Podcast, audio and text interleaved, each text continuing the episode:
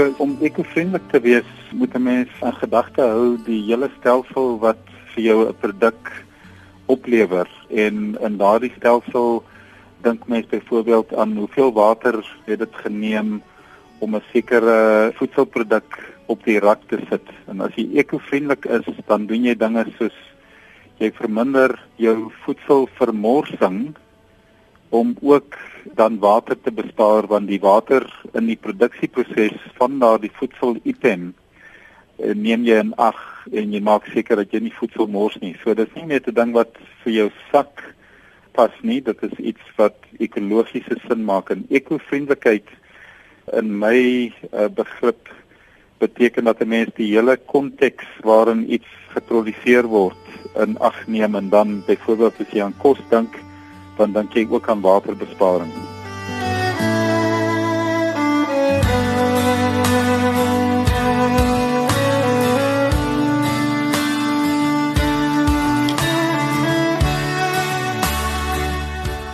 Dit is baie maklik in ons moderne lewe om om te gaan uitvind hoe presies om te werk te gaan om ekovriendelik te wees. Jy het in 2011 by COP17 het jy uh ges, het jy vooruitsigte gegee van in 2050 begin ons 10 miljard mense wees en daar was sekere mikpunte vir ons gewees om terug te draai en en beter te kyk na die omgewing en so aan. In 2017, hoe lyk ons? Beweeg ons enigsins vorentoe? Word daai mikpunte verwesenlik?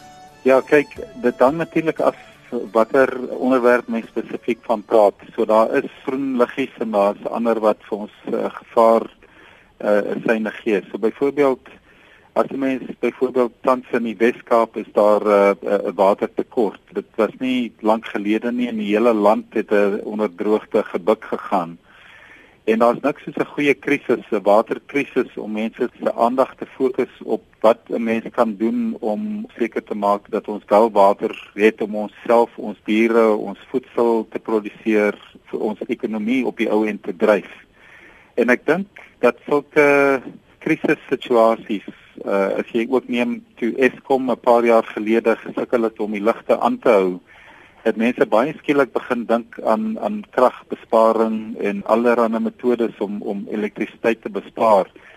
Soos ek voorheen gesê het, dit dit is nie net goed vir jou sak nie, dit is ook goed vir die aardbol en ek dink die bewustheid wat as gevolg van hierdie krisisse geskep word is miskien speel in die hand van meer verantwoordelike omgang omgang met ons uh, omgewing en uh, mense besef dit is nie net 'n klomp ouens wat sandale dra en groente eet wat uh, sulke dinge wil doen nie dit is iets wat belangrik is vir elke liewe mens. So, uh, waar kan ons luisteraars meer uitvind oor oor hierdie onderwerp en wat die WWF mee besig is en projekte waar hulle ook betrokke kan raak?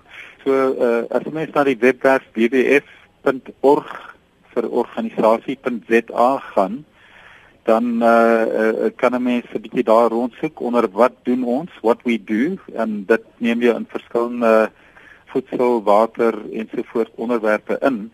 Jy weet die eerste ding wat wat ek voorstel wat mense doen, ons ons praat van krane toedraai, dit is baie duidelik dat sulke dinge help. Maar die eerste ding wat elke huishouding moet doen is jy moet 'n audit doen van jou waterverbruik. Dit klink nou baie tegnies, maar basies moet jy seker maak dat jy besef waar is die grootste verbruik van water binne in jou klein uh, ekostelsel binne jou huishouding